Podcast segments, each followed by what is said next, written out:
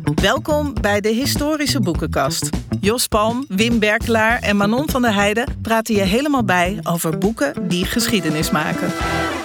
Ja, inderdaad. Welkom bij ons eigen historische boekenbal. En, ja, en vandaag is het een hele bijzondere aflevering, want die nemen we op op het Geschiedenisfestival in Haarlem, waar ja, je omvergelopen wordt door een kleine duizend historisch zwaar geïnteresseerde medeburgers. En dat is natuurlijk altijd een voorrecht. Wim, vind je, wat vind je ervan? Ja, ik, je komt eh, hier vaker. Hè? Ik ben hier vorig jaar voor het eerst geweest. Wim en ik geniet ongelooflijk van al die mensen die heel geïnteresseerd in geschiedenis zijn. Die wel eens reacties geven. Er zit hier iemand in de zaal, die heet Richard. Daar heb ik wel eens contact mee. Ik word er helemaal blij van. Ja, dat je niet je- in een niemandsland zit. En krijg je dan ook wel eens een complimentje? Ehm, nou, weet je, ik zou je zeggen, ik zat net, interviewde ik eh, vijf mensen van de Libris-prijs. En je weet, ik ben een man die op leeftijd gaat raken. En die mensen zeiden, meneer, u blijft toch voorlopig nog wel bij OVT? Nou, dat begrijp je wel. Dat meen ik serieus. Dat klinkt een beetje raar, maar daar word je helemaal blij van. Ja, dat was eigenlijk een beetje een kat naar mij, denk ik zo te horen. Je mag hem zo opvatten. Goed, eh, nou, even zal ik iedereen voorstellen. Naast mij Nadine Akkerman, historica, die een prachtig proefschrift heeft geschreven. Eh, ze is misschien wel een van de talentvolste historici in Nederland die we hebben. Eh, vandaar dat ze ook in Engeland eh, zat. Ehm, we gaan het dadelijk horen. Nou, Wim Berkelaar hoorde u al. Wim is eh, eh, onze vaste podcast-medewerker. En bij Wim zeg ik altijd... als Wim ooit in de hemel komt... dan komt hij in een hoekje bij Jan Brugman. U weet wel, Pater Brugman, die praten als Brugman. En dat is een, hoekje waar alles verder is afgezonderd. Dat is enorm goed geïsoleerd. Want anders eh, gaan de engelen van hun stem geraken. Philip Dreugen... net een nieuw boek, daar gaan we het dadelijk over hebben. En we moeten Philip dadelijk ook echt even vragen naar een meneer die deze week erg veel in het nieuws was. Eh, ik denk dat Philip, Philip begint al, begrijpt al wie we bedoelen. Daar was ik al Namelijk een zekere Prins Bernhard, want daar heeft Philip ooit een boek over geschreven. Nou, dan Manon van der Heijden, ook onze eigen podcastmedewerker... die met een soort Rotterdamse eh, doortastendheid onze gasten altijd ondervraagt... en helemaal aan het eind van de tafel Beatrice de Graaf. Ja, wie kent haar niet? Eh, ze legt me- eh, eh, regelmatig een nat washandje op de hoofd van onze burgers... als er weer eens wat aan de hand is. Nou, dat is allemaal een hele hoop geklets... maar dan weet u met wie we aan tafel zitten. Ehm, wat gaan we doen vandaag, Wim? We gaan in ieder geval praten met, weer over een geweldig boek van, eh, mag ik wel zeggen, van Philip. Dan eh, krijgen we de boekbespreking van de met Rotterdamse nuchterheid gezegende Manon. En we hebben Beatrice, die mij verraste. Maar dat ga ik, ga nog niks verklappen. Die gaat zo praten over een boek. En ik dacht, die komt over een klassieker. Ik denk, nou, die gaat komen met een zwaar boek over terrorisme. Zeer geleerde dame, zeer gewaardeerde dame. Maar heel anders, zult u zo horen. En we praten, maar je introduceerde haar al... met Nadine Akkerman over haar grote boek. De Hartenkoningin. De Hartenkoningin. En, en natuurlijk, eh, Manon, jij gaat een boek bespreken. Kun je even een tipje van de sluier eh, oplichten? Ja, zeker. De Patriarchen van Angela Saini. Een heel prikkelend boek. Ik denk dat er mensen zijn eh, die hier heel hoopvol van worden... en anderen die misschien enorme weerstand gaan voelen. Ja, ja, nou, we gaan het zien in de patriarchen. Altijd een fijn onderwerp voor mannen aan tafel. Meestal worden we daar een beetje nerveus van. Hè? Want het gaat altijd ook over de matriarchen, blijkt Ja, dan. daarom.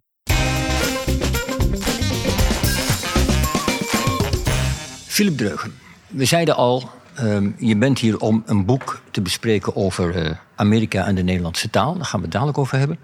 Maar jij schreef in in- misschien wel een soort jeugdzonde. eh, tenminste, volgens mij was je een stuk jonger toen. Je schreef een boek met de toch wel intrigerende titel... Beroep meester spion, het geheime leven van prins Bernhard. Nou, en over dat geheime leven van prins Bernhard... eh, zijn we deze week allemaal weer wat wijzer geworden. Het was eigenlijk oud nieuws, want in 96 was het al bekend... dat hij lid van de NSDAP was. Maar goed, eh, nu is het dan eh, nog weer onomstotelijker bewezen... omdat Bernhard om een of andere reden, volgens mij toch omdat hij, ja, d- ik weet eigenlijk niet waarom, geen afscheid kon nemen van zijn lidmaatschapskaartje in zijn archief.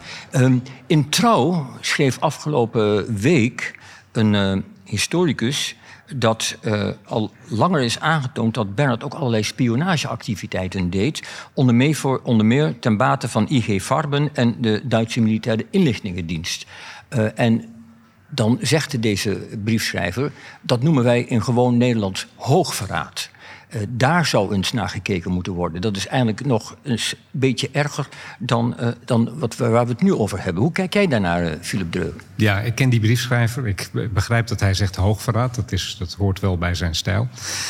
Ehm, Tja, kijk, het boek dat ik heb geschreven 2002, inderdaad. Uh, nou, nee, jeugdzonde weet ik niet. Maar ik was inderdaad nog een stuk jeugdiger. Als je de auteursfoto achterop het boek ziet, dan zeg je van een baby. Uh, dat heet de meeste spion, omdat hij inderdaad voor heel erg veel partijen al dan niet freelance-achtig heeft gespioneerd in de loop van zijn leven. Uh, en dat begon toen hij bij IG Farben ging werken, vlak voor de oorlog. Eerst in een kantoor in Parijs. Ja, en de afdeling waarbij hij zat was gewoon ook algemeen bekend. Dat was de afdeling bedrijfsspionage. En IG Farben was een beetje zo'n miereus, een beetje misschien te vergelijken met uh, AXO tegenwoordig. En ja, die wilde natuurlijk allerlei bedrijfsgeheimen eh, van andere concurrenten weten. Die hebben op een gegeven moment de Nederlandse regering nog benaderd van... zeg, die Indonesische archipel van jullie, zouden wij Sumatra mogen hebben? Nee, dat was echt een serieuze vraag van IG Farb. En, en, want zij wilden daar graag wat opzetten. En toen dat niet lukte, toen zijn ze uiteindelijk onder de Japanners... zijn ze daar toch binnengekomen en hebben ze daar, nou ja... Uh, maar, een, eigen vestiging gemaakt. Hij werkte dus bij de afdeling die ja, voor, voor dat soort beetje geopolitieke machinaties die daar onderzoek voor Maar heeft hij, laten we zeggen, gevoelige informatie uh, vanuit Nederland aantoonbaar aan de Duitsers gegeven? De aantoonbaar niet, nee. Dat, kijk, het, het, punt is een beetje dat IG Farben wilde hem als een soort vooruitgeschoven post in Nederland aan het Nederlandse Hof neerzetten. En hij had ook een soort handler. Dat, die meneer die heette Frietje. En meneer Frietje die heeft, zegt, zei die zelf na de oorlog... ik heb Bernard geïntroduceerd bij Juliana. En die ging ook, toen Bernard in Nederland ging wonen... ging hij zelf ook in Baarn wonen. Dus vlakbij Soestdijk. Om ja, daar contact te houden met zijn, uh, ja, met zijn pupil, zou je kunnen zeggen... Wat daar precies aan informatie heen en weer is gegaan, ja, dat weten we niet. Dat is gedeeltelijk is dat waarschijnlijk allemaal vernietigd in de oorlog. En gedeeltelijk is dat waarschijnlijk ook nooit aan papier toevertrouwd. Maar goed, Bernard was zich eigenlijk al een beetje aan de warm lopen voor Lockheed. Uh, daar lijkt het een ja, beetje op. En, en, maar, maar even. even ja? Hij was zo opportunistisch dat die meneer Frietje, ja, nou ja, op een gegeven moment hij dacht van ik zit hier goed, waarom zou ik in hemelsnaam nog een soort loyaliteit hebben tegen IG Farben? Ja. Maar die term hoogverraad, is die, is die briefschrijver in trouw is gewoon te scherp en onzinnig? Nou, dat vind ik wat overdreven. Nogmaals, ik ken de man, dus ik, ik weet een beetje hoe hij hierin staat. Maar ik, ja, je, zou het, je zou het zo kunnen noemen. Hij was, het zou misschien onderzocht mogen worden. Je zou het inderdaad het misschien wat, nog dat, weer dus wat beter moeten dat onderzoeken. Dat denk ik eigenlijk het Alleen het probleem is, er is al zoveel onderzocht over de man. En hij is een soort ijsberg. Ja, en heb je enig idee... boven water en de rest... Je hebt er allemaal wel een vermoeden van dat er beneden nog iets zit... maar je weet het nooit Heb, heb jij enig idee waarom Bernard zo dom geweest is dat briefje te bewaren. Ik heb er lang over nagedacht en toen dacht ik, er is eigenlijk maar één echte verklaring. Dat hij dacht, dan hebben ze het tenminste na mijn... Kijk, Nederland heeft het altijd over Bernard. Uh, dan hebben ze tenminste na mijn dood ook weer eens over mij. Zou het kunnen zijn dat hij dat, uh, dat, hij, dat, dat, dat, dat, dat, dat erachter zit? Vind ik een leuk. Ik denk eerder dat het een soort postume excusez een postume fuck you is naar de hele wereld. Oké dat hij denkt van, ik heb het, uh, hij heeft het in 1962 heeft hij het toegegeven in zijn geautoriseerde biografie. Ja, ik was een nazi. Met een heel uh, kul verhaal erbij waarom hij dat, waarom die dat had gedaan. En later is hij het ineens gaan, gaan, gaan ontkennen. Het is natuurlijk idioot dat je dat eerst toegeeft en dan ontkent. En dan dit komt er nog eens een keer als een soort ja, postume grap bijna. Het, was toepasselijk geweest als op 1 april naar buiten was gekomen. Als een soort postume grap. Oh ja, het kaartje is het toch wel.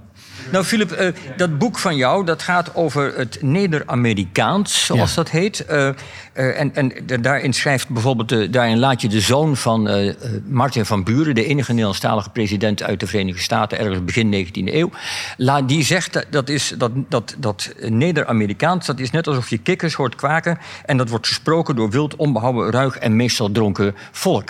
Dat ja. waren wij dus. Um, Vertel eens, de, de, en, en, hoe spreek je eigenlijk de taal of hoe spreek je dat uit? De tol, zeg je. De tol. Het, het, is dus gewoon het woord taal, maar dan ja, uitgesproken met, de, met die typisch Amerikaanse klank. Kijk, uh, ooit hebben we Nieuw-Amsterdam gehad. We, zeg ik. Uh, maar goed, de Nederlanders die hebben Nieuw-Amsterdam gehad. Handelspost, daar werd Nederlands gesproken. Als je daar wat wilde, moest je Nederlands leren. Dus Indianen die daar wilden handelen, leerden Nederlands tot slaafgemaakte, leerden Nederlands. Hè, want ja, anders kon je niet communiceren met je, uh, met je bazen. De Denen, Polen, iedereen leerde Nederlands. Dat was daar de lingua franca. En dat, ook toen de Engelsen kwamen, is dat gewoon gebleven. Al was het maar omdat je het iedere zondag nodig had in de kerk. Want de kerk bleef een soort bolwerk van de Nederlandse taal. Maar help me eens, waarom, want Philip Dreugen kennen we inmiddels als langer als auteur. Of hij gaat naar een heel raar plaatje wat Morris net heet. waar een paar Belgen, een paar Nederlanders en een paar Duitsers min of meer samen een soort minilandje vormden ooit. Ja. Of hij gaat nu weer een of andere, andere uithoek van de wereld. Wat is er mis met Philip Dreugen dat hij altijd dit soort afwijkingen gaat opzoeken? Zo, eh, eh, dank je, dank je Jos. Ja, nee, leuk. Altijd leuk een beetje. Nee, eh, ja, weet je... maar wat- wat- wat maakt dat je dit doet? Mijn, mijn, hoofd, mijn hoofd heeft een soort eh, warmhoutplaatje. En er zijn een heleboel dingen die ik ergens in de loop van de afgelopen 20, 30, 40, misschien wel 50 jaar ben tegengekomen. En dan denk ik altijd, als ik dan iets lees of iets zie, of even ergens een flart uit, uit, een, uit, uit een, een boek of een artikel lees, denk ik. Dat is leuk, daar wil ik nog eens wat mee. En dan gaat het op dat warmhoutplaatje. En dan komt er op een gegeven moment komt dat er, eraf. En dan ga ik ermee aan de slag. En dat zijn altijd dingen waarvan ik denk, daar wil ik meer over weten. Ik, ik stond van de week, eh, of vorige week in Brussel, eh, grote boekhandel stond voor een boekenkast. En daar was ongeveer, nou, ik denk twee vierkante meter Napoleon boeken. Ja, toen dacht je, daar kan er nog wel nieuwe bij. Napoleon boeken. Nee, maar begrijp jij mensen die dan zeggen van... weet je waar ik een boek over ga Napoleon. Is er nog iets te melden over de man dat we nog niet weten? Ga je nog iets ontdekken? Nou, de, de kans lijkt mij heel erg sterk. Ik wil graag schrijven over dingen waarvan mensen zeggen... Huh? Hoe zit dat? Huh? Wat is dat? Wat, wat, Nooit geweten. Dat- dat vind ik leuk. Hebben, hebben we nog enig idee hoe die, die taal, dat Neder-Amerikaans, klinkt? Heb je iets kunnen vinden daarvan? Kun je, kun je misschien zelfs iets zeggen in het Ik ik, Neder-Amerikaans? ik kan zeker wat zeggen. Er zijn in de mm, 20e eeuw zijn er drie keer bandopnamen van gemaakt. Eh, ik heb een foto waarop de mannen staan die die bandopname maken. En waar dus het Neder-Amerikaans wordt gesproken. En dat wordt dan opgenomen voor het nageslacht. Alle drie die bandopnamen zijn verdwenen. En dat heeft ermee te maken dat, ja, kijk, mensen gaan dood en zo'n bandje dat ligt dan ergens. En een achterkleindochter die denkt misschien, oh, dat is leuk, dan kan ik de nieuwe LP van de Jacksons overheen opnemen. En dan gaat dat verloren. Ik ben één familie die had op een gegeven moment echt helemaal eh, de familie Tolman. Oftewel de Talma's uit Friesland, maar dan de Amerikaanse tak. Die werd echt helemaal gek van mij. Want ik zei van, kun je niet nog eens op een rommelzolder kijken? Kun je niet nog eens in een garage kijken om te kijken hoe het, hoe het klinkt?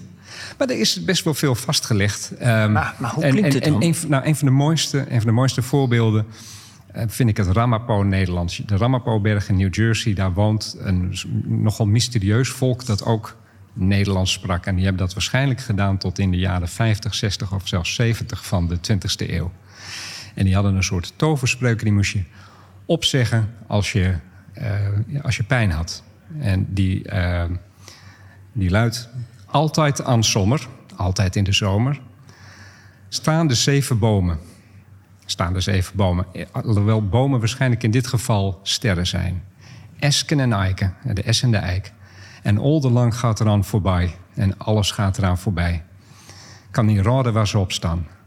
Met andere woorden, ik kan niet raden waar ze op staan. Ze zijn, het- het zijn bomen of het zijn sterren. En, en ze zijn gewoon, ze hebben geen, geen ondergrond. Eh, het zijn de magische zeven bomen of zeven sterren in het firmament. Ik begrijp uit je boek ook dat ze een beetje praten zoals Paul de Leeuw soms dingen zegt. Eh, eh, kun je dat even ik, weet, ik, weet even verduidelijken? niet, ik weet even niet uit mijn hoofd hoe Paul de Leeuw nou klinkt eigenlijk. Maar, Nee, maar je weet wel wat ik bedoel. denk Nee, nou, kijk, wat een heleboel mensen zeiden toen in 1910 voor het eerst een eh, taalkundige het ging opschrijven en er onderzoek naar ging doen, meneer John Dinley Prince.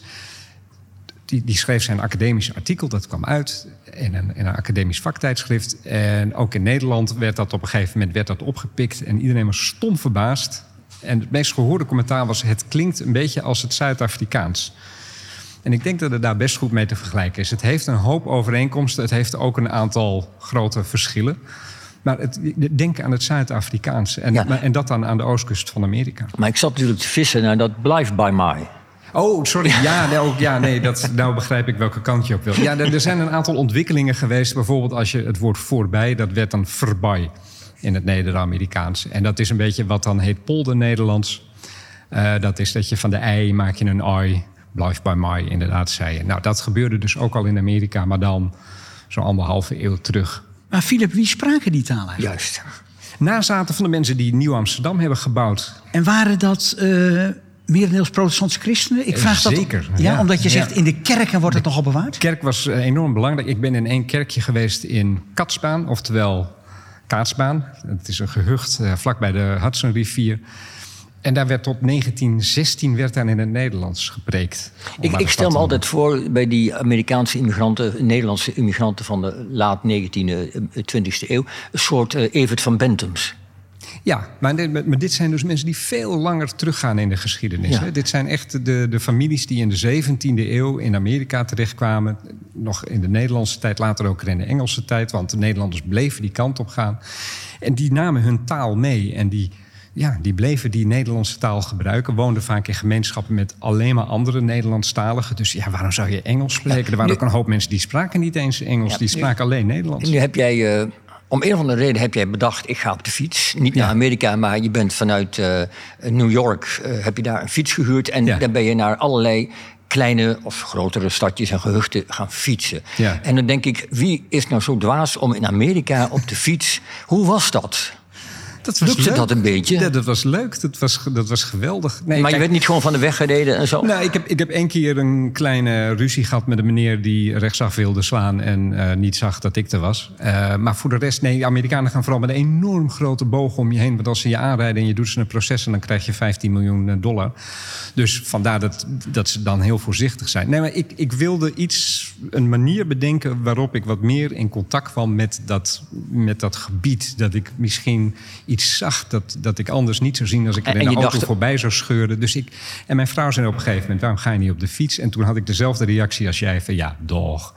En, en je dacht natuurlijk ook, als ik op de fiets ben, herkennen ze me meteen als Nederlander. Nou, het had, het had, het- dat is zo. Ik had overigens een oranje fiets en dat was geen toeval. Want de jongen van het verhuurbedrijf was een Koreaan. En ik kwam bij dat verhuurbedrijf binnen en zag mijn aanvraagformulier eh één maand lang een fiets huren. En toen zei hij, oh, Nederlands, zei hij. Guus Hiddink.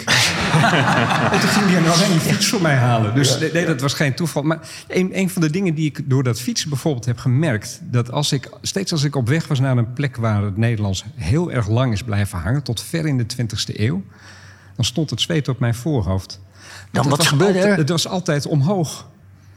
Wat het, het, het, het zweet stond dan op mijn voorhoofd. Oh, dus het lichaam vertelde- Het was, altijd, Oh, oké. het was altijd omhoog. Dus hoger gelegen gebieden, daar bleef die taal langer bewaard. Dus, wij- hoogtemeters als conserverende, als En- en- conserverende factor. En, en was dat dan misschien omdat kerken op heuveltjes stonden, et cetera, en zo'n dorpje waren- daaromheen? Nee, dat waren eh, bijvoorbeeld de, de, de Helderberg, oftewel de Helderberg in de buurt van eh, Albany, waar iemand eh, in 1942 nog zegt van goh, daarboven spreken allemaal mensen nog allemaal nog Nederlands. Nou, dat was een soort Alp d'Huez om daarheen te komen.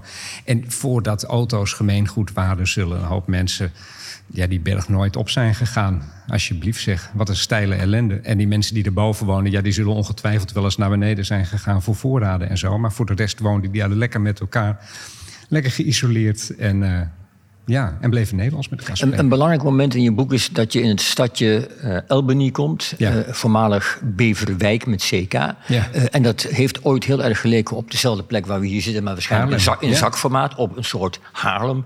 Knus, gezellig, Hollands. En dat oude stadje blijkt helemaal verdwenen. En je komt een archeoloog tegen die dat heeft opgegraven. En ik heb het idee, als je dat ziet wat daar gebeurd is... Hè, dat je dan begrijpt wat er met die taal gebeurd is. Exact, Want die taal ja. heeft moeten wijken voor het moderne Amerika... van die klote Engelsen en Amerikanen. Eh, eh, leg eens uit wat er gaat gebeuren. Ja, Albany, eh, of Beverwijk, zo je wilt, was een, totaal Nederlands stadje tot eind 18e eeuw. Daar woonden Nederlandstalige mensen die zich ook Nederlands kleden en Nederlandse gerechten aten. Boorkool, oftewel boerenkool, smeerkees, oftewel smeerkaas.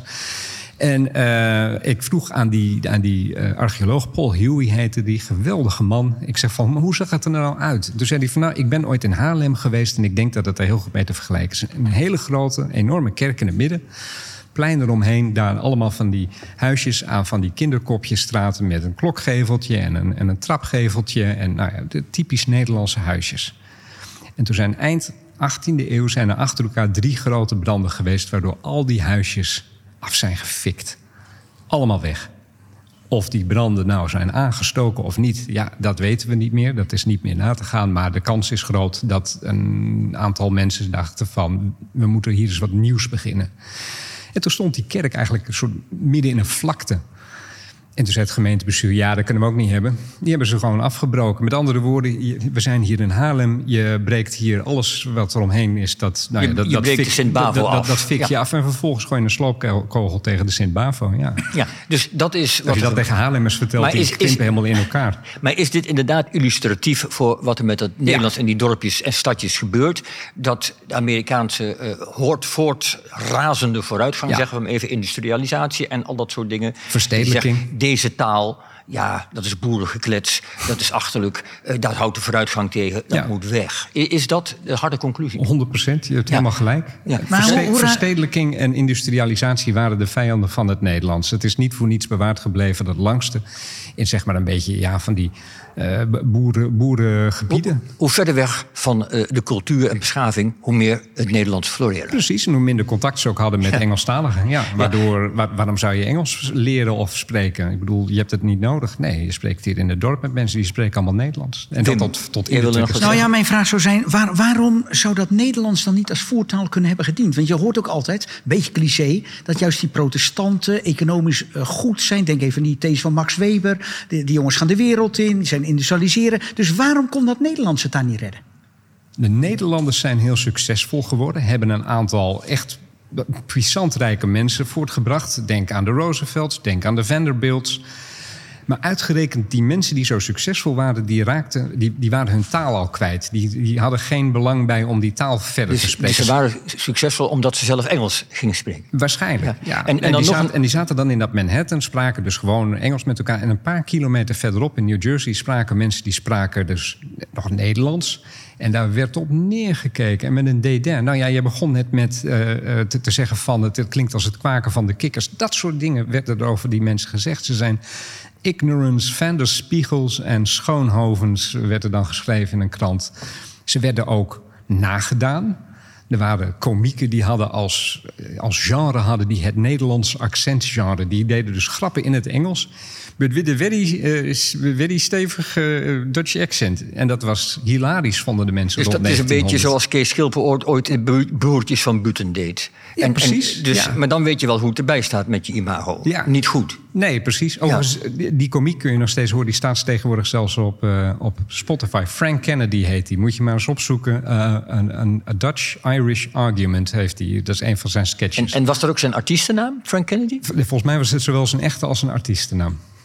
Ma- Mag ik ook nog een vraag stellen? Ja, ja, ik was ook wel benieuwd inderdaad, want het lijkt in je laatste hoofdstuk lijkt je te zeggen dat het ook een beetje aan die Nederlanders zelf lag dat ze de strijd om de taal verloren. Ze vonden het niet belangrijk genoeg. Ja. Daar komt het eigenlijk op neer. Er zijn ook een aantal pogingen geweest om een soort revival te laten plaatsvinden. Nou, die, die, dat stierf allemaal eh, een zachte dood bijna onmiddellijk nadat ze dat hadden bedacht van dat gaan we doen. Dus nee, men vond het niet belangrijk genoeg. En de toekomst was Engelstalig. Dat zag op een gegeven moment iedereen in. Dus, en je moet niet vergeten, die Nederlanders, ik vertel net, er werden grappen over gemaakt dat accent dat ze hadden.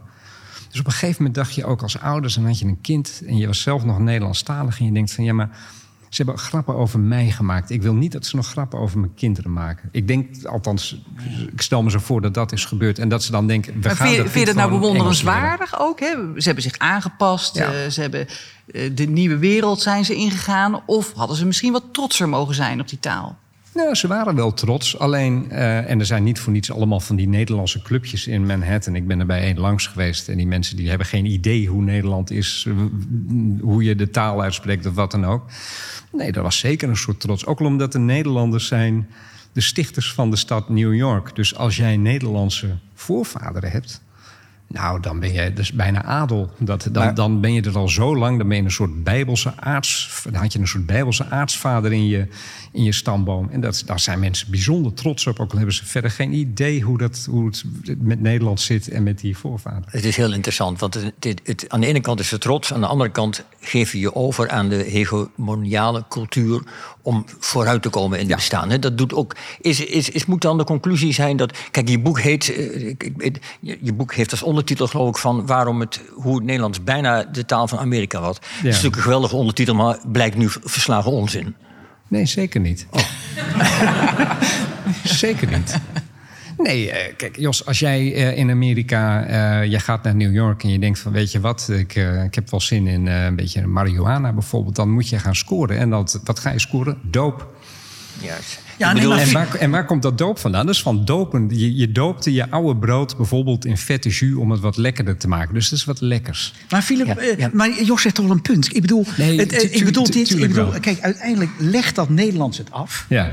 En dan maak ik even een rare vergelijking nu. Ik werk op de VU in Amsterdam. Wij hebben nauwelijks nog een studie Nederlands. Als ik daar op die gangen rondloop, hoor ik allemaal iedereen Engels praten. Ook collega's die net als ik van die kale, al dan niet kale kaaskoppen zijn. Maar en dat Engels dat- klinkt niet goed. Met andere woorden, wat is de toekomst van het Nederlands in Nederland naar, eh, voor de, eh, laten we zeggen, ik eh, doop je even tot profeet, profeet Philip Dreugens. Ja, dus, dus eigenlijk zou, niet Wim, we maken hier ook gewoon de slotvraag van. Want de slotvraag zou dan wat jou betreft moeten zijn van... als we 100 jaar verder zijn, Ja. gaat dan een of andere goedwillende eh, schrijver uit weet ik veel waar... hier op een fietsje rond eh, om te kijken wie nog Nederlands kent... in Ja. bijvoorbeeld op de Veluwe Precies. of diep in Zeeland. Zou er een nieuwe Philip Dreugen op de fiets rond kunnen gaan? Naar het oude Almere, ja. ja we- wellicht. Nee, nee, wat ik, wat ik zag is dat hoe snel het kon gaan op bepaalde plekken. Ik was in Schenectady, eh, echt een plaatsje van, van, van niks. Het is echt, eh, die heeft de afslag naar de toekomst gemist.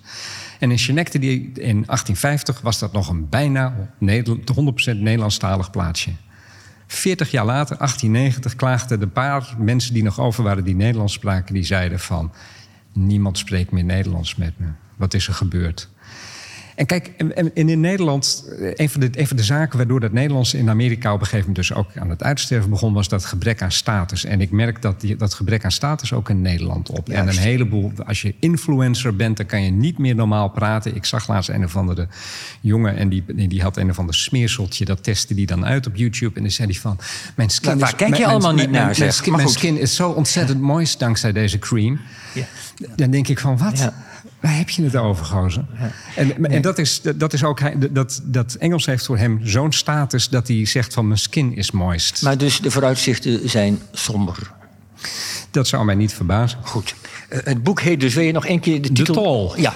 En Hoe, dat hoe het gaat dus... Nederlands bijna Amerika veroverde. Philip Dreugen, bedankt. En mag best even een applausje. De tip van Beatrice de Graaf. Beatrice, welkom. Ehm, we hoorden je al. Vertel eens, eh, wat heb je voor een klassieker meegenomen? Ik heb een klassieker meegenomen die al meer dan een eeuw oud is. Waarvan er eh 18 drukken zijn verkocht van een auteur die 11 miljoen boeken heeft verkocht. Ja, dat maakt ons nieuwsgierig. Ja, en dat was een kinderboekenauteur. Maar vaak waren het ook historische kinderboeken... die ook echt grondig historisch werden onderzocht.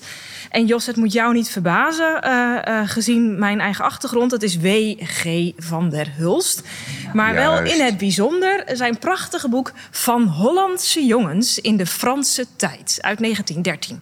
Goed, WG van de Hult. De meeste mensen hier, denk ik, weten dat wel. Dat was natuurlijk een christelijke onderwijzer en veel boekenschrijver... met geweldige titels als... eh, even kijken, wat? Doodeng in de zoete suikerbol met een vrouw die dan een, een, een dennenappel in de mond had. Ja, dat was een... Doodeng Dat vond ik ook. Vond ik een heel eng boek. Oh, jullie waren vooral bang. Het waren boeken die jongen, bang dood- Ja, maakten. maar boeken waren, die die, boeken, die boeken, die waren Maar wij zo... katholieken hadden zulke boeken niet. We hadden niet zulke enge Jawel, boeken. jullie hadden van die pastoors die Wipneus en Pim schreven. Ja, heel Ja, goed. ja. Je hebt gelijk. Maar was Beb en Bob en Brammetje dan beter? Nou ja, op latere leeftijd is Van der Huls wat liever gaan schrijven voor de kleinste kinderen. Maar als je het hebt over Jaap Holm of Pirke en zijn kameraden... nou, dat waren, dat waren tearjerkers. Nou, ik mag geen Nederlands Engels spreken. Tranentrekkers waren dat.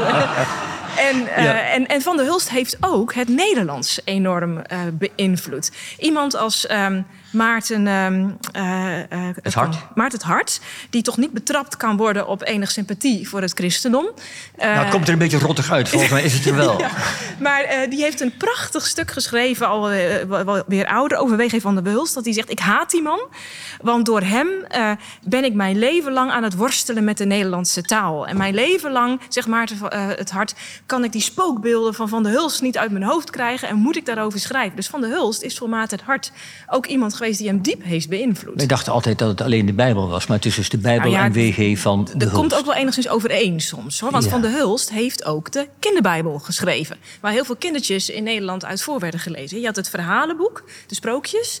eh, maar dan had je ook eh, eh, verhalen voor de kleinste. En dan had hij ook verhalen voor de iets ouderen. Juist. Maar waar, en dit boek, waar gaat het over? Ja, dit boek dit heb ik er wel echt speciaal uitgelicht. Eh, het gaat over Utrecht en wel Utrecht in de Franse tijd. En daar was Van der Hulst op dat moment ook net bovenmeester geworden. Van een school die tot heel veel kort ook gewoon keurig de WG van der Hulst school heette. En die is nou herdoopt in de Wereldwijzer. Dan denk ik van, hoe, hoe komen ze erbij? Ja. Maar goed, Van der Hulst was daar dus bovenmeester. Eh, en hij schreef lesboekjes voor de kinderen. Hij heeft later ook, ehm, volgens mij met Huizinga... heeft hij ook schoolboekjes geschreven... over allerlei geschiedenisverhalen voor Met, met de grote huizinga? Of met zijn zoon Leonard Of met, met de misschien. zoon Ja, dat weet, dat, moet, dat weet ik even niet. Gaan we uitzoeken. Nou goed, Gaan we Ja, uitzoeken. maar de- ehm, dit boek is, ge- is geschreven in 1913. En dat is precies 100 jaar nadat Nederland eh, van, Frank, van eh, eh, ja, de Franse inlijving werd bevrijd. Er staat ook een heel monu- mooi monument, vlak bij zijn school ook. Maar dat werd door de stad Utrecht gemaakt bij de uittocht van de Fransen. En dit boek gaat dus over een jongetje, een soort Hansje Maar dan Jan Pommer. Geweldige die, eh, naam, hè? Jan Pommer. Jan Ja. Pommer, hè? en Die dan eh, eigenlijk de Franse te slim af is. Eh, maar de broer van Jan Pommer, Frans Pommer, eh, dat is een loteling en die vecht met Napoleon mee. Dus, dus er zit ook een heel mooi tweeluik in. Dan, je trekt dus mee door, door die verschrikkelijke sneeuwstormen en al die lijken. En dat wordt ook allemaal beschreven eh, van Frans Pommer en de Grande Armee die langzaam teloor gaat. En dan zit thuis zijn broertje Jan met zijn moeder, de weduwe, te wachten of die ooit nog terugkomt. Dus het is heel spannend en het speelt zich ook af midden in Utrecht. En op een gegeven moment moet dat jongetje Jan vluchten, want er zitten de Fransen hem ook achterna. Dan vlucht hij over de daken van Utrecht en is hij bang dat hij bij de stad Huisbrug in het schavot komt, eh, in het cachot komt. Dus het is ook heel goed gerechercheerd. Dat deed Van der Hulst ook echt.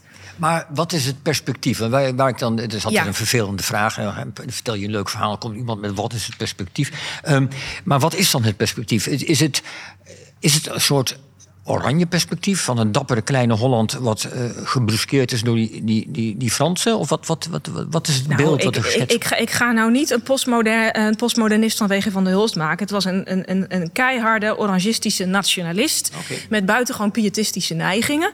Eh, tegelijkertijd doet hij dat op een manier. Hij focust op individuen die ook allemaal ehm, worstelen. Ze worstelen met verleiding. Ze worstelen met van, nou ja, moet ik me niet aanpassen? Dus het zijn karakterschetsen van kinderen. Die al heel moedig kunnen zijn, maar ook heel stout en heel gemeen kunnen zijn. En daarmee wordt het toch weer ja, heel universeel. Komt het heel dichtbij. Eh, ik zal, Volgens mij sta je op het punt een stukje voor te lezen. ja, Klopt ja, dat? ja, ja, ja, ja, ja. Ik wil, het- nou, ja, je, moet, je, moet, je moet er eigenlijk niet over praten. Je moet het horen. Ehm, eerst het hele erge, hè, zou ehm Martin, Martin Ros, zeggen. Martin Ros. Het ging over seks, hè? Nee, het gaat niet over seks. Bij- bij Martin het Ros gaat niet, over seks. terreur- Ja, Martin Ros gaat het over Oh, seks Wim, hebben. Ik even niet. stil. Ik werd even opgeholpen. Wim Berklaar. We gaan het niet over seks hebben. We gaan het, het is een kinderboek. We Ik gaan het over terreur hebben. Woerden wordt uitgemoord. Het was maar een grijnzend uitgestoten juichkreet van een Franse koerier. Woerden wordt uitgemoord. Langs de weg trokken horden halfdronken en tierende soldaten. Straks zullen ze misschien ook hier in Utrecht binnendringen. De gedachte aan haar jongens doet haar hart ineenkrimpen van angst. Kon ze ze maar verbergen, wilde ze maar vluchten naar Utrecht en haar alleen laten. Voor zichzelf was ze niet bang, maar voor haar jongens. Dat is dus die moeder, die dan bang is. En dat is ook echt gebeurd. Hè? Dus de terugtrekkende troepen, als dan eh, vanaf 29 november eh, Willem V terugkomt en de Fransen op de vlucht slaan, dan trekken ze langs ehm, Woerden. En daar wordt ook inderdaad heel erg gemoord. Dus in die tijd eh, worden er ook pamfletten verspreid, het terreur van Woerden. Ik geloof dat er ook twintig nog meer mensen echt ter plekke zijn afgeslacht. Nou, dat beschrijft Van de Hulst ook eh, vrolijk. Ik liet dit boek aan mijn kinderen lezen. Ik, ik had het heel lang geleden gelezen. Ik zei, jullie moeten dit boek lezen. Af en toe dan schrijf ik ze een boek voor. Toen kwamen ze halverwege naar mij toe. Zeiden ze, mama, moesten wij dit echt lezen? En Toen waren ze nog maar zeven. Hè? Dus, eh, Ja, en waarom lees je dat stukje niet voor? eh, nou, omdat ik nog een ander stukje voor wil lezen. Nou, kom maar. Eh, en dat is dan er zijn eh, de Russen, de Kozakken, die zijn Utrecht binnengetrokken via de Witte Vrouwenbrug. Dat is ook echt zo. En ik fiets daar elke maandagochtend fiets ik naar mijn werk over die brug. En dat is precies nog dezelfde plek waar de Russen dus de stad hebben bevrijd. Eh, en dan heet het Zondagmorgen. Dat was het ook echt. Oranje boven. Men juichte elkander toe. Men schudde elkaar de hand. Men viel elkaar om de hals in die grote vreemde vreugde die zo plotseling gekomen was. En dan heb je nog even een mooi stukje. Hoe W.G. van de Hulst daar dan over schrijft. Dan citeert hij namelijk Bilderdijk. Nu zijn we weer een eigen natie. Geven God ons nu ook spoedig tevreden. Heb je al gelezen wat Bilderdijk dichtte? Niet mooi is het. Holland groeit weer. Holland bloeit weer. Hollands naam is weer hersteld. Holland uit zijn stof verrezen. Zal opnieuw ons Holland wezen. Stil eens even, grootvader. Dus die grootvader leest dat voor en die wordt dan wel weer uh, van... nou, dan moet die grootvader ook zijn mond houden. Dus er zitten wel wat grapjes in. Ja, dit is protestantse humor, neem ik aan. um, um, maar, maar, um, maar even nog voor mijn beeld. Wat doet van de. Kijk, het is dus duidelijk een, een oranje gezind boek. Zeg ik ga hem ook niet postmodernistisch iets anders ervan maken. Nee. Uh, maar bijvoorbeeld dat, dat, die jongen die dan met uh, Napoleon meegaat en daar vecht. Wordt daar in de familie van gesproken? Deze jongen heeft, uh, is, is kwaadaardig, is een landverrader? Of gaat dat, dat. Wat van. Ik bedoel eigenlijk dat, dat het in die tijd naar onze huidige historische maatstaven ook een beetje wordt gezien als een burgeroorlog. Althans, die tijd ervoor. Doet Van der Hulst nog wat mee? Of is het echt gewoon. Sst, daar Nee, heb je de foute Fransen en je hebt goede Nederlands en je hebt af en toe wat slechte Nederlands. Nee, hij maakt echt karakterschetsen. Eh, En hij is niet te simplistisch in zijn karakterisering. Dus die Frans Pommer die meevecht met Napoleon. En zelfs Napoleon zelf en een Franse courier, die hem dan, courassier die hem redt, die worden als goede karakters, als, met een nobele inborst, want die doen het goede. En eh, ik moest ook denken aan dat, dat essay dat Geil heeft geschreven, hè, de grote Pieter Geil, eh, in een concentratiekamp in 1943 volgens mij. Dan schrijft hij over de patriotten en de NSB. Eh, en dan Een zegt- vergelijking? vergelijking. En dan zegt hij, dat kan je dus niet vergelijken. Eh, het is echt iets anders. Dus de mensen die met Napoleon meevochten of de patriotten... dat is iets anders dan de NSB'ers in de Tweede Wereldoorlog. En Van der Hulst lijkt wel ook op dat spoor te zitten. En, Geil. en Wacht even, even, dan moeten- wacht even, Jos, dan moeten we even de tong proeven. Onze WG van de Hulst zit op het spoor van de Republikein, Agnost, Vrijdenker, Pieter Geil. Als het gaat om het vermijden van al te simpele verdelingen van mensen in kampen... is Van der Hulst dus eigenlijk daar best zorgvuldig in. Nou, dat pleit En- wel voor hem. Ja, nou, maar dat, daarom zijn die boeken ook zo goed verkocht. Zeg, Als het gewoon allemaal schotschriftjes waren, dan werden ze niet gelezen. weet u eens hoe, eh, hoe loopt het met Jan Pommer af? Nou ja, wat denk je? Nou, geen idee. Eh, eh, hij- het, het loopt goed met hem af, maar het allerleukste is dat het boek eigenlijk eindigt met die Franse curassier eh, die de keizer trouw blijft. En dan bieden ze hem in Nederland, in Utrecht, bieden ze hem het burgerschap aan. Dan zeggen ze Jean Larousse, zo heet die curassier, die mag blijven, heeft een paspoort gekregen. En hij mag ervoor kiezen niet langer Frans soldaat te zijn en in Holland blijven. Maar dan weigert hij rechtop, fier, zelfbewust. Zijn ogen staren in de verte. Hij ging zijn keizer zoeken.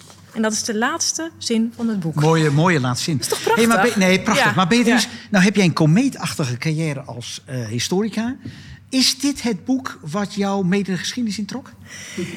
Nee, dat is, niet, dat is denk ik niet één boek. Maar het zijn wel dit soort boekjes... Die, eh, eh, wa- waardoor ik al heel erg dat gevoel had van die tijd. Van de Hulst, die zuigt je dat verhaal mee in. Je krijgt er gewoon koud als je leest over die opmars in, in, in, in Rusland.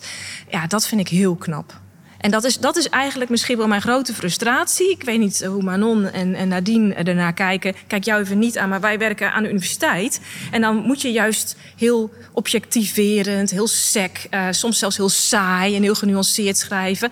En als ik dan kijk hoe jij schrijft, eh, of, of, of jullie ook, Jos en? Wim, Ja, ja. eh, heel anders. En dat vind ik soms wel eens jammer. Je, ja, dan ben je wetenschapper, maar eigenlijk zijn dit de boekjes die beklijven. Maar er is één troost. Wij moeten anders dan WG van der Hulst ons geld bij elkaar schrapen. En jullie hebben gewoon een stevig inkomen, mag ik voor jullie hopen. Goed, eh Beatrice, heel erg bedankt. Ik zie dat het boekje eigenlijk helemaal nieuw is. Ik dacht, het is nog antiquarisch verkrijgbaar, maar dit ziet er heel nieuw uit. Ehm, Ja. Bedankt voor je, voor je uitleg. En ja, ook, ook dit is wel echt een applausje waard, dames en heren. De boekbespreking van Manon van der Heijden. Manon, je zei het al eh, eerder, eh, deze aflevering. Je gaat de patriarchen bespreken. Een boek van Angela, hoe heet het eigenlijk, Saini? Saini. Saini? Ik hoop dat ik het goed Een uitspreek. Engelse wetenschapsjournalist eh, met Italiaans-achtige naam... die de oorsprong van de ongelijkheid tussen man en vrouw wil broodleggen. Ja, dat, is, dat is nogal een taakstelling aan Ja. jezelf. Eh, we gaan dadelijk horen of dat gelukt is. Is het een boek wat je makkelijk leest? Ja, het is heel goed leesbaar. Ze schrijft heel toegankelijk. Eh, ze laat ook heel veel voorbeelden zien van waar eventueel een niet-patriarchale samenleving heeft bestaan of een meer genuanceerde vorm. Eh, dus nee, zeker een boek wat door een heel breed publiek gelezen kan worden. Wat is haar eh, uitgangspunt? Wat is, eh, heeft ze een uitgangspunt? Wat, wat, hoe zou je dat willen beschrijven? Ja, nee, zeker. Het uitgangspunt is eigenlijk, en dat, dat legt ze direct uit in haar eerste hoofdstuk. wij denken allemaal dat het patriarchaat een gegeven is, een universeel iets. Maar ze gaat terug naar biologen. En dan ontdekt ze eh, dat eh, ook in het dierenrijk er niet per se een patriarchaat bestaat. Dus dat eh, als voorbeeld chimpansees, eh, die schijnen, de mannetjes, schijnen vooral de mannetjes te domineren, maar niet de vrouwtjes. Ja, klopt dat, wel? is haar uitgangspunt. Klopt dat wel? Want als Nou, je in de het- dierentuin ja, staat... en dan zie je heel vaak vrouwtjes wegrennen voor zo'n mannetje. Ja. Dus dat, dat is... dat zijn gorilla's. Ja, nou ja, nee hoor, dus. ik weet het niet. Ik, ik heb het geprobeerd na te, door. Ja, ik heb geprobeerd na te zoeken. En je hebt de zogenaamde dominantietheorie. Eh, en eh, in de biologie. En die gaat ervan uit dat die dominantie inderdaad niet per se bij mannetjes ligt, maar dat die gevarieerd is in de natuur. Maar tegelijkertijd is die dominantietheorie ook wel ja, een beetje omstreden. Dus ik ben geen bioloog. Ik weet het niet.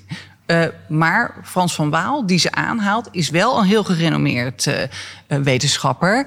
En die zegt, ja nee, die chimpansees die doen het op een andere manier. Dus dat betekent eh, dat het niet per definitie is in het dierenrijk dat de mannetjes domineren. En zij brengt dat terug naar de mens en zegt, nou laten we dan eens kijken of dat ook zo is bij mensen. En wat is haar... Ja, wat, ik, en, en hoe kijkt zij met... Welke ogen kijkt zij? Kijkt zij in de zin van... Ik denk eigenlijk dat het bij mensen ook niet zo is... en dat het ontstaan is op een gegeven moment. Hoe kijkt zij naar? Nou, het is een zoektocht. Dus dat doet ze heel erg mooi. Ze, laat, eh, ze gaat zeg maar, de verschillende periodes en regio's af. Daar, daar gaat ze ook werkelijk naar op zoek. Dus ze gaat naar archeologische eh, plekken eh, toe. Of met, met, met nog, waar nog allemaal ruïnes zijn overgebleven. En ze gaat kijken van waar vinden we nou plekken waar er andere varianten zijn. Ehm, en dan vindt ze inderdaad dat er eh, door de eeuwen heen en op verschillende plekken er veel meer nuanceringen zijn. Dat soms weer het patriarchaat herbevochten moest worden, of dat het elders eh, ehm, wat minder sterk was als we vaak hebben gedacht. Dus eh, ze gaat het, ze, ze, het is een zoektocht eigenlijk die ze maar doet. het patriarchaat heeft dus af en toe wat moeilijkheden ondervonden. Ja, ja. Maar het is wel de, de hoofdlijn in, althans, de geschiedenis zoals wij die voor een groot deel kennen. In elk geval van het Westen en van eh, de koloniën, et cetera. Ehm, wat is haar verklaring hiervoor? Voor, verklaring voor het patriarchaat? Ja, dat het Ja, nou, patriarchaat ze- ontstaan is daar- en het ja. zo, eh, Nou, laten we zeggen, goed Ja. gedaan heeft. Nou, ze probeert dus ook daar nieuwe wegen of nieuwe eh, verklaringen voor te vinden. We hebben eh, ooit altijd gezegd, nou, sinds de landbouw eh, eh, is die ongelijkheid ontstaan. Ook tussen mannen en vrouwen. Want er ontstond een soort arbeidsverdeling. Die vrouwen die konden al dat zware werk niet doen. Dus ongelijkheid. En zij gaat eigenlijk kijken naar een nieuwe verklaring. Ze zegt, nou, volgens mij was er toen nog best wel veel gelijkheid. Maar het is pas met ontstaan van staten of steden. dan pas gaat die grote ongelijkheid tussen mannen en vrouwen ontstaan. Juist. En is het dan zo dat ze zegt, het bezit is één factor... maar pas als die samenleving ingewikkelder wordt... dan krijg je een echte tweedeling tussen man en vrouw? Ze kijkt dus echt naar, ze zegt nou, dan ontstaan dus elites, hè, staatselites of bestuurlijke elites. En die willen hun macht uitbreiden. Die hebben daarvoor eh, bevolkingsgroei nodig. Die hebben een leger nodig. Nou, als je eh, dat nodig hebt, dan heb je dus ook vrouwen nodig. Die die mensen en die soldaten moeten kunnen voortbrengen. En dus controle over die vrouwen die jouw macht verzekeren en uitbreiden. Noemt zij, eh, boer, noemt zij boer zoekt vrouw ook? Nou, dat kent ze denk ik niet. Nou, er, is, er is een goede reden waarom ik, deze, waarom ik deze vraag stel. Boer zoekt vrouw bestaat omdat er in de steden een eh, vrouwenoverschot is... en op het platteland een mannenoverschot. Ja. En die mannen in de steden, omdat ze met minder zijn... hebben ze, hebben ze ook vaak de, de wat betere banen. Terwijl de mannen op het platteland over het algemeen...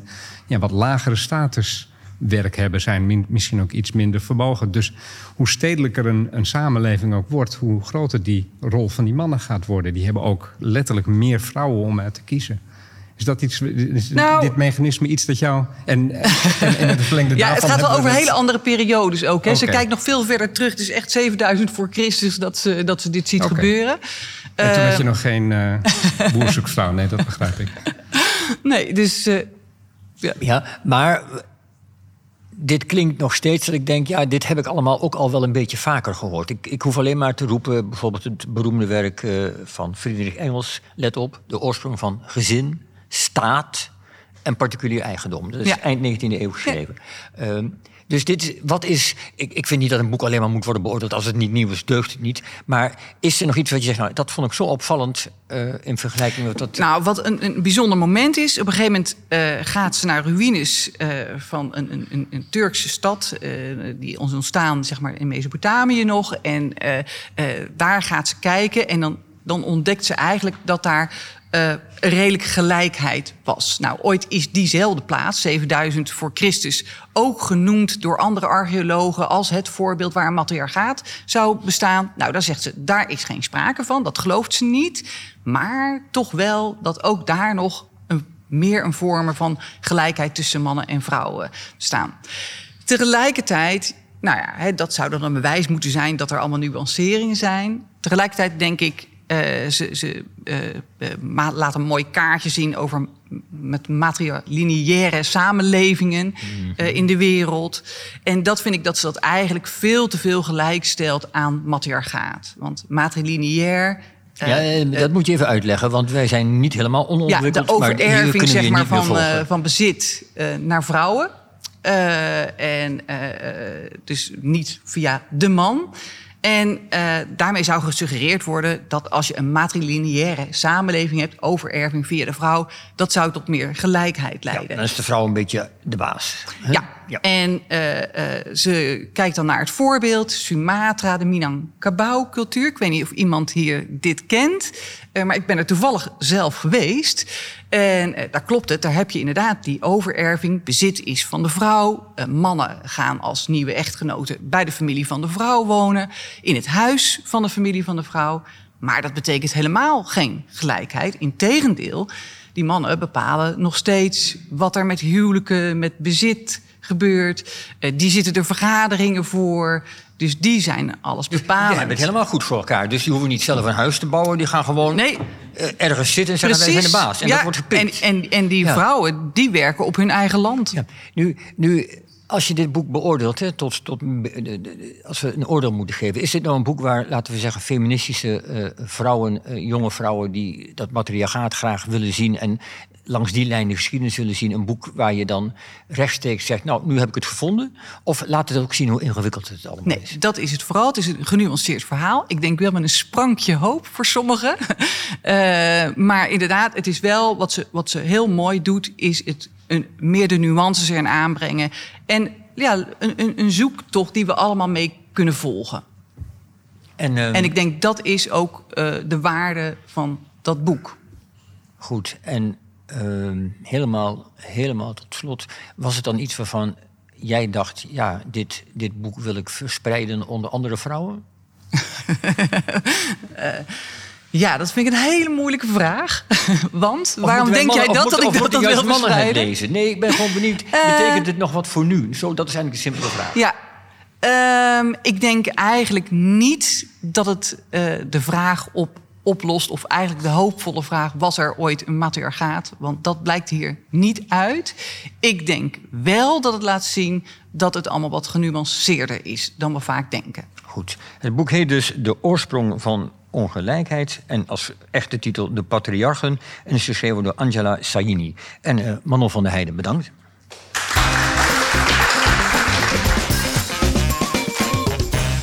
Ja, en dan eh, zijn we nu bij, het, eh, bij de hoofdschotel, de hartenkoningin. Ehm, en dat is geschreven door eh, Nadine Akkerman. En ze zit naast me. Nadine, welkom. Een, ehm, Dankjewel. het is een biografie over een Queen of Hearts, de hartenkoningin. Eh, was het een karakter? Als je dat is, nou, daar is gewoon simpel mee beginnen. Wat wij noemen, dat is een karakter. Oh, ontzettend. Ze, ze was geestig, eh, intelligent, ehm, manipulatief. Het, ehm, ja, het, het was wel een, een, een pittig dametje. Allemaal vrouwelijke eigenschappen die in het matriarchaat heel bruikbaar waren geweest. Ja, zeker. Ja, ehm, die bijnaam, de hartenkoningin, waar komt dat vandaan? Ze was ontzettend geliefd bij mensen. Zo, dus mensen noemden haar zo de hartenkoningin. En Maar wat onder- jij vertelt, denk ik niet meteen... eh, daar, daar word je, die, de, waar, waar dankt ze dan dat geliefd zijn aan? aan een ontzettend groot charisma. Eh, ze kon echt mensen voor zich inzetten en, en binden. En, en ze was een, eh, werd gezien als een mogelijke troonopvolger voor Engeland, Schotland en Ierland in de 17e eeuw. Want daar zitten we dan eh, mensen in de 17e eeuw. Wa- Was dit, ik kijk even naar Manon, die tenslotte een kenner, mag ik zeggen Manon, hè, van de 17e eeuw is. Eh, was dit een figuur, deze Elizabeth Stuart? Nou, ik denk, ze had natuurlijk alles mee. Ze was mooi, ze was slim, ze was eh, geletterd, eh, gestudeerd. Een soort Beatrice de Graaf eigenlijk. Ehm, dus ja, daar viel iedereen voor. En ze was inderdaad, zoals Nadine zegt... maar Nadine weet dit veel beter, want die heeft dit bestudeerd... eh, heel, bij een heel breed publiek geliefd. En natuurlijk ook bij onze eigen Maurits van Oranje... die haar natuurlijk ook heel graag wilde hebben. Ja, daar komen we dadelijk nog op, want dat begin, nou ja, goed, dat, dat, doen we dadelijk. Eh, eh, heeft iemand nog een behoefte iets over deze dame te zeggen? Nu al, of gaan we gewoon eerst even verder? Nou, ik heb wel behoefte om dit te zeggen. Ik ben onder de indruk van het boek. Dus ook van Nadine. Maar ik ben minder onder de indruk van deze dame. En daar zal ik mijn kruid nog even voor bewaren. Goed. Eerst even, uitle- eerst even uitleggen wie de vrouw is. We zijn wel benieuwd hoor. Ja, we zijn ik- wel benieuwd, Ik wacht ja. rustig even. Eerst Wel even. met- met Wie is de vrouw? Nou, laten we inderdaad beginnen. Wie is de vrouw? Is ze familie van de beroemde Mary Stuart? De, de, de vrouw die terechtgesteld werd door haar eigen tante, geloof ik. eh, Elizabeth, koningin ja. Elizabeth. Is daar familie van? Ja, dit is de kleindochter van eh, Mary Stuart, Queen of Scots. Goed, dat is een lekker begin hè, aan je leven. Als je weet, mijn, mijn oma is ooit onthoofd door... Mijn oma is ooit onthoofd. En Ja. mijn vader die, die gaat nog steeds om met, eh, met de moordenares. Ja, dat is een, een interessante start. Nu heb je dit boek geschreven, geloof ik, omdat haar reputatie... eh, anders dan zoals jullie net over haar spraken... namelijk eh, als, eh, nou ja, dat is iemand waar je wel verliefd op moet worden... want ze kan alles, ze weet alles, ze is ook nog knap. Ehm, die, haar reputatie was niet zo best eigenlijk hè, de, de, de, in de geschiedschrijving. In de geschiedschrijving is de reputatie heel erg slecht. Door, Ja. eh, verkeerd eh, begrepen door historici die nooit naar eigen brieven hebben gekeken. Ja, maar vertel eens, wat is die reputatie? Was ze een ontaarde moeder? eh, Ja, een hele, hele slechte moeder volgens Neem ons even mee wat, wat dan die reputatie was... zodat we even die andere kant begrijpen. Ja, er werd over haar gezegd dat ze haar kinderen niet zelf zou hebben opgevoed. Die had ze gewoon weggestopt in een, in een eigen hof. Daar zou ze niet omgeven.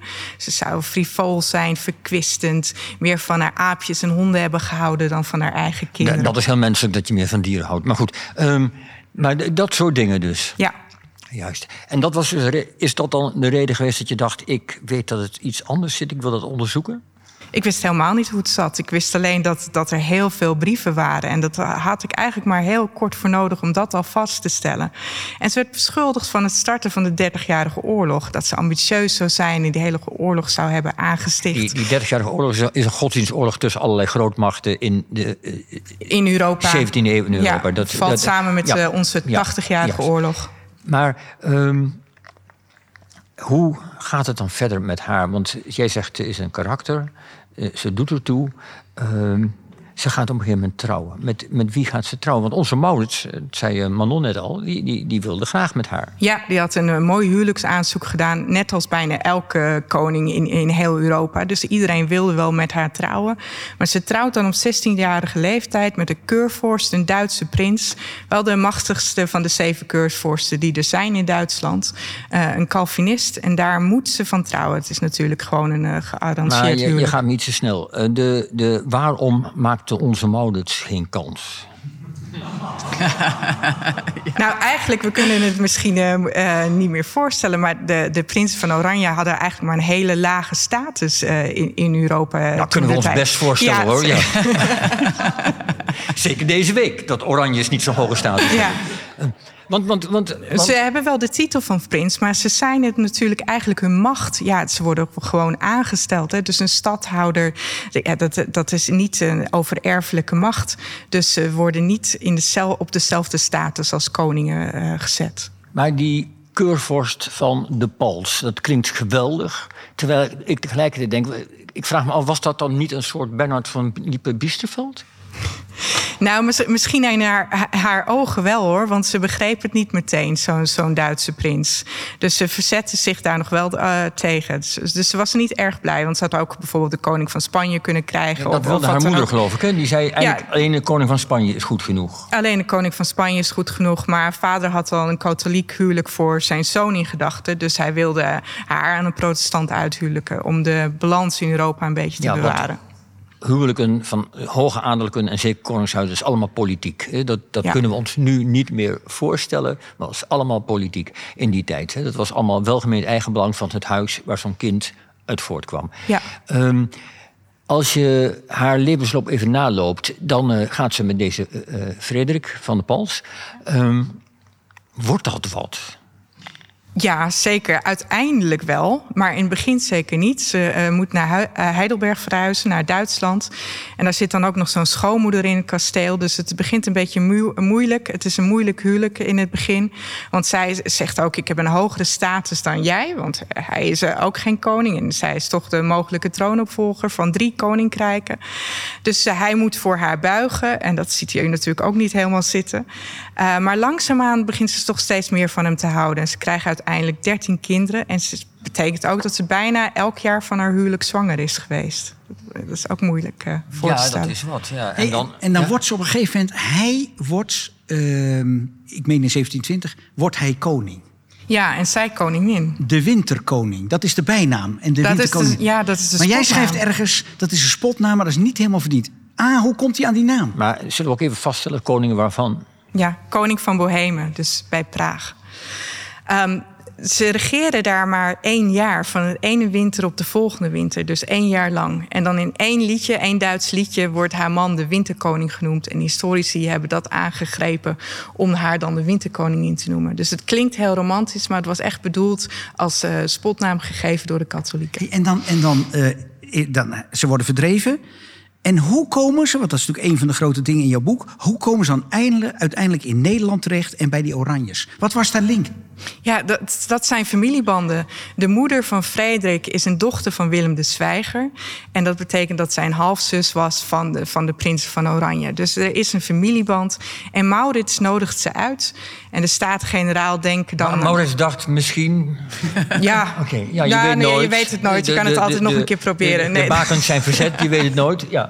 Nee, dat speelde niet meer mee. Dat was echt een soort handreiking van... eh, Nu- kom maar hier maar naartoe. Nu lezen we ook in je boek, ze komen naar Nederland. Dan gaat de Staten-Generaal, geloof ik, die huurt voor drie dagen meubilair. Ja.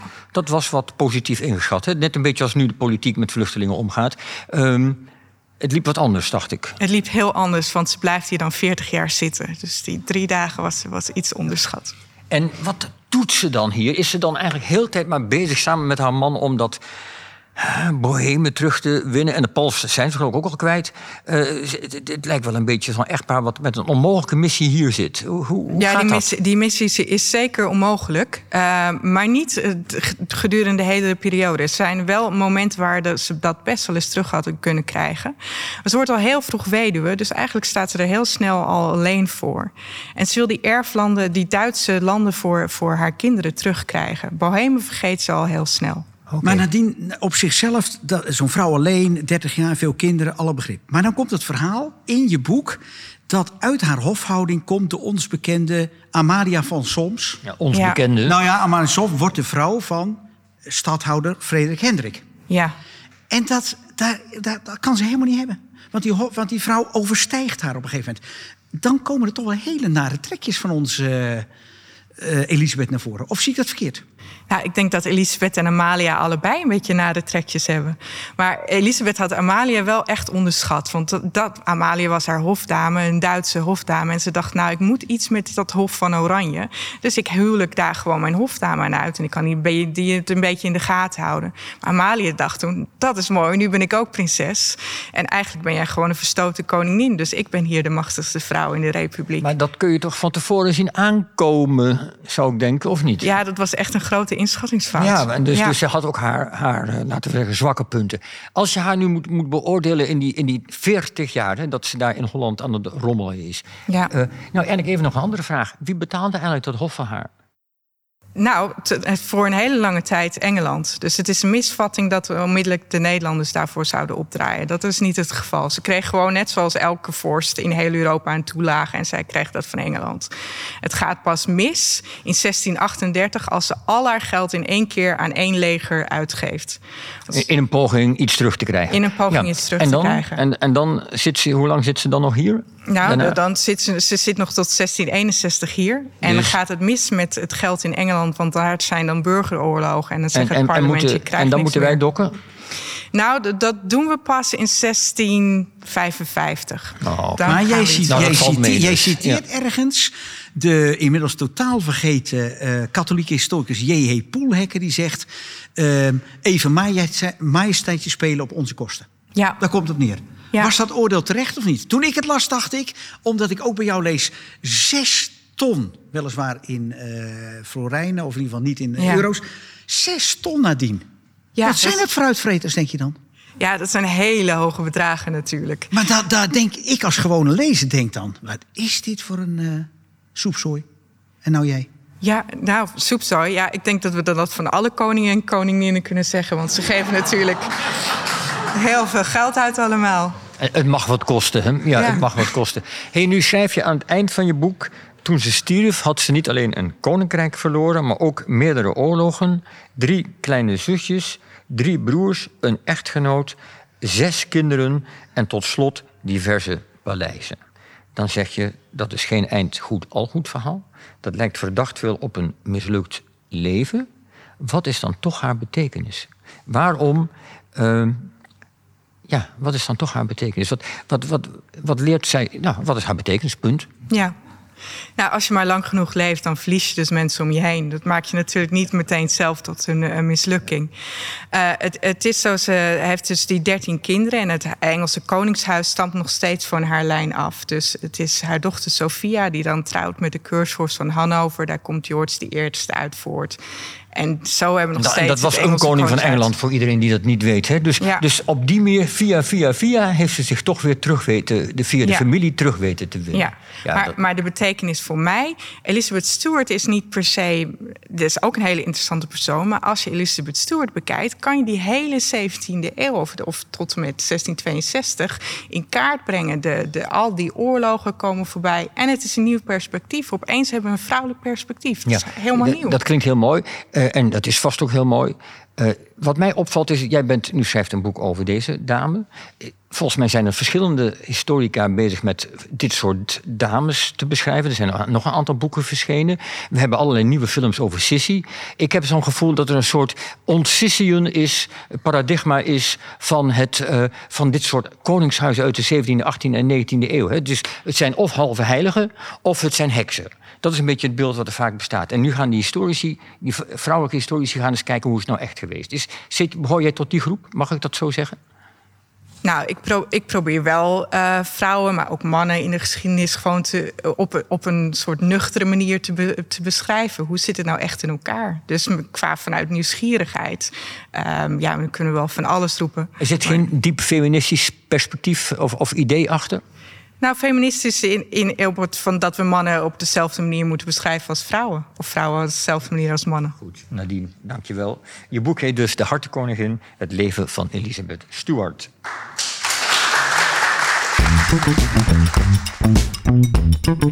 Goed, ditmaal hadden we het in de historische boekenkast over het onbeschaafde taaltje van de Nederlandse pioniers in het vroege Amerika. We hoorden alles over het ontstaan van het patriarchaat en over de jonge verzetsheld uit de Franse tijd Jan Pommer.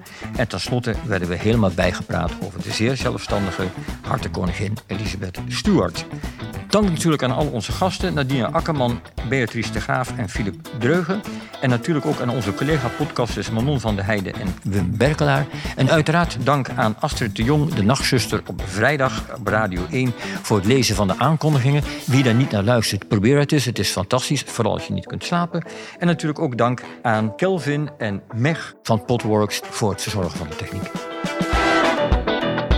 Je luisterde naar de Historische Boekenkast. Een podcast van Historisch Nieuwsblad.